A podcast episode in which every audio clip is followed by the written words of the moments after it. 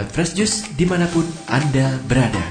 Sesaat lagi kita akan mendengarkan Fresh Juice Rabu 28 Agustus 2019 bersama Ibu Erna Kusuma dari Denpasar, Bali.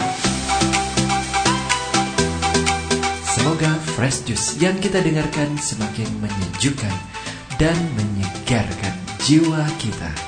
Selamat mendengarkan.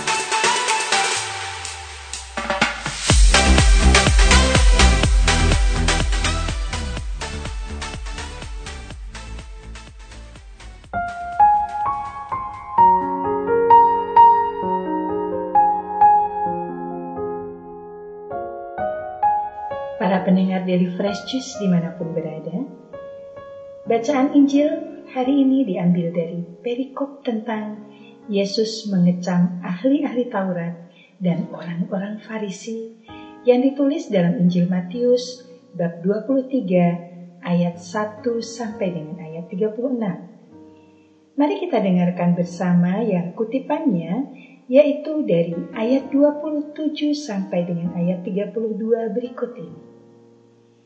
Inilah Injil Yesus Kristus menurut Matius.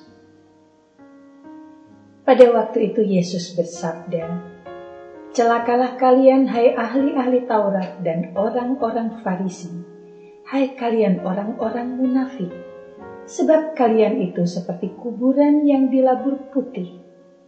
Sebelah luarnya memang tampak bersih, tetapi sebelah dalamnya penuh tulang belulang dan berbagai jenis kotoran. Demikian pula kalian, dari sebelah luar nampaknya benar, tetapi sebelah dalam penuh kemunafikan dan kedurjanaan. Celakalah kalian, hai ahli-ahli Taurat dan orang-orang Farisi, hai kalian orang-orang munafik. Kalian membangun makam bagi nabi-nabi dan memperindah tugu peringatan bagi orang-orang saleh dan sementara itu kalian berkata, Seandainya kami hidup pada zaman nenek moyang kita, tentulah kami tidak ikut membunuh para nabi.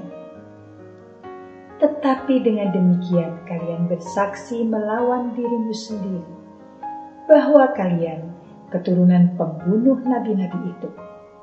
Jadi, penuhilah takaran para leluhurmu. Demikianlah Injil Tuhan.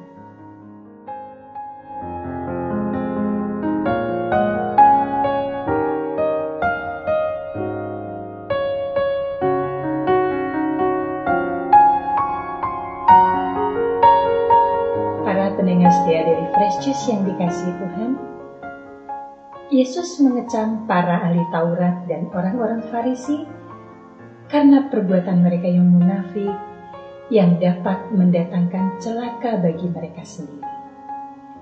Dua dari tujuh kecaman yang dilontarkan oleh Yesus telah kita dengarkan dari bacaan Injil pada hari ini. Kecaman yang pertama tentang penampilan mereka yang nampak baik dan benar padahal di dalamnya penuh dengan kemunafikan dan kejahatan. Yesus mengumpamakannya seperti makam di kuburan yang dilabur putih sehingga nampak bersih dan indah. Padahal di dalamnya tersimpan tulang belulang dan berbagai kotoran lainnya.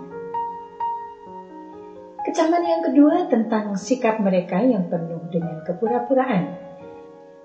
Mereka membangun makam bagi para nabi dan mendirikan tugu peringatan bagi orang-orang saleh. Mereka berpura-pura menghormati para nabi yang dibunuh karena membela kebenaran. Padahal di dalam hatinya mereka juga sangat ingin menyingkirkan Yesus. Ini jelas contoh kemunafikan. Saya memilih judul renungan, ada aku di pandang depan, tak ada aku di pandang belakang untuk menggambarkan sikap munafik yang sering kali kita jumpai di dalam kehidupan kita sehari-hari. Orang munafik bermanis-manis ketika berjumpa dengan kita. Aku dipandang di depan. Tetapi ketika di belakang kita, ia sering kali membicarakan hal-hal buruk tentang kita, yang tentu saja bisa melukai perasaan kita. Orang seperti ini sering disebut bermuka dua, bermuka manis ketika bertemu, dan bermuka buruk ketika tidak bertemu. Rupanya sifat munafik yang ditunjukkan oleh para ahli Taurat dan orang-orang Farisi telah membuat Yesus gusar, lalu mengecam mereka.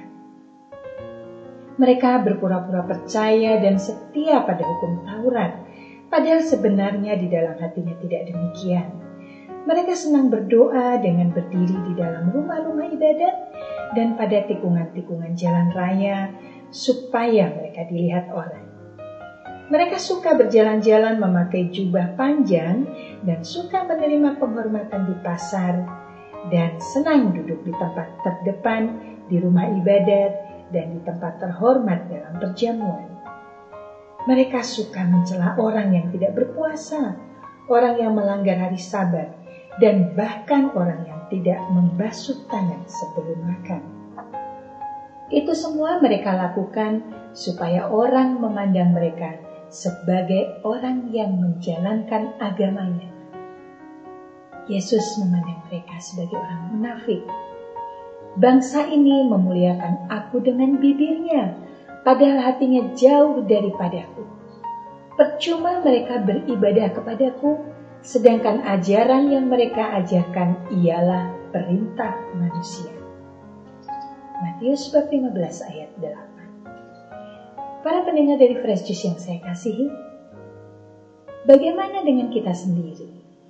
Adakah kita masih menyimpan kemunafikan dan memerankannya dalam sikap dan perbuatan kita? Apakah kita pergi ke gereja untuk merayakan Ekaristi atau karena malu jika ketahuan tidak ke gereja? Apakah kita bermurah hati untuk berbuat kebaikan atau supaya kita dihormati orang lain? Adakah kita sering menuding orang lain munafik, padahal kita sendiri juga sama, atau bahkan lebih munafik? Jangan-jangan memang benar apa yang disampaikan oleh Yesus. Mengapakah engkau melihat selumbar di dalam mata saudaramu, sedangkan balok di dalam matamu sendiri tidak engkau ketahui? Berbicara tentang kemunafikan, memang mesti dimulai dari diri kita sendiri dulu. Sebelum membicarakan kemunafikan orang lain, kita sendiri mesti bebas dari kemunafikan seperti yang diminta oleh Yesus. Hai orang munafik, keluarkanlah dahulu balok dari matamu, maka engkau akan melihat dengan jelas untuk mengeluarkan selumbar itu dari mata saudara. Para pendengar dari Fresh Juice yang dikasih Allah, apa sesungguhnya yang menjadi penyebab mengapa kita sulit melepaskan diri dari kemunafikan. Pada dasarnya, kita sering merasa malu jika mempunyai kelemahan atau kekurangan. Tentunya ini baik adanya, tetapi menjadi kurang baik kalau kita malu mengakuinya, lalu memilih untuk bersikap munafik, mengatakan sesuatu yang tidak sesuai dengan yang sebenarnya, lain di mulut, lain di hati, dan pada akhirnya berujung pada ketidakjujuran. Di sisi lain, sifat sombong adalah sifat yang menghargai diri sendiri secara berlebihan, lalu cenderung meninggikan diri sendiri dan menjadi congkak. Yesus sangat memahami kelemahan kita ini, oleh sebab itulah Yesus mengajarkan agar kita selalu rendah hati Apabila engkau diundang ke suatu pesta perjamuan, pergilah duduk di tempat yang paling rendah. Mungkin tuan rumah akan datang dan berkata padamu, "Sahabat, silakan duduk di depan." Dan dengan demikian engkau akan menerima hormat di depan mata semua tamu yang lain. Lukas bab 14 ayat 10. Secara lugas Yesus telah mengatakan, barang siapa meninggikan diri, ia akan direndahkan. Dan barang siapa merendahkan diri, ia akan ditinggikan.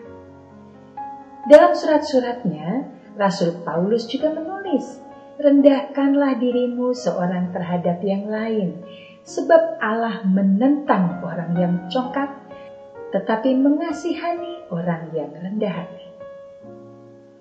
Para pendengar dari Fresh Juice, marilah kita akhiri renungan hari ini dengan berdoa bersama. Dalam nama Bapa dan Putra, dan Roh Kudus. Amin. Allah Bapa yang penuh kasih, kami sungguh-sungguh berniat hendak membuang jauh-jauh kemunafikan dari diri kami. Karena itu telah membuat kami sulit untuk menjadi jujur, sulit untuk menyelaraskan bibir dan hati kami. Kami ingin melalui hari-hari kami dengan kerendahan hati, agar kami tidak lagi menghargai diri kami sendiri secara berlebihan.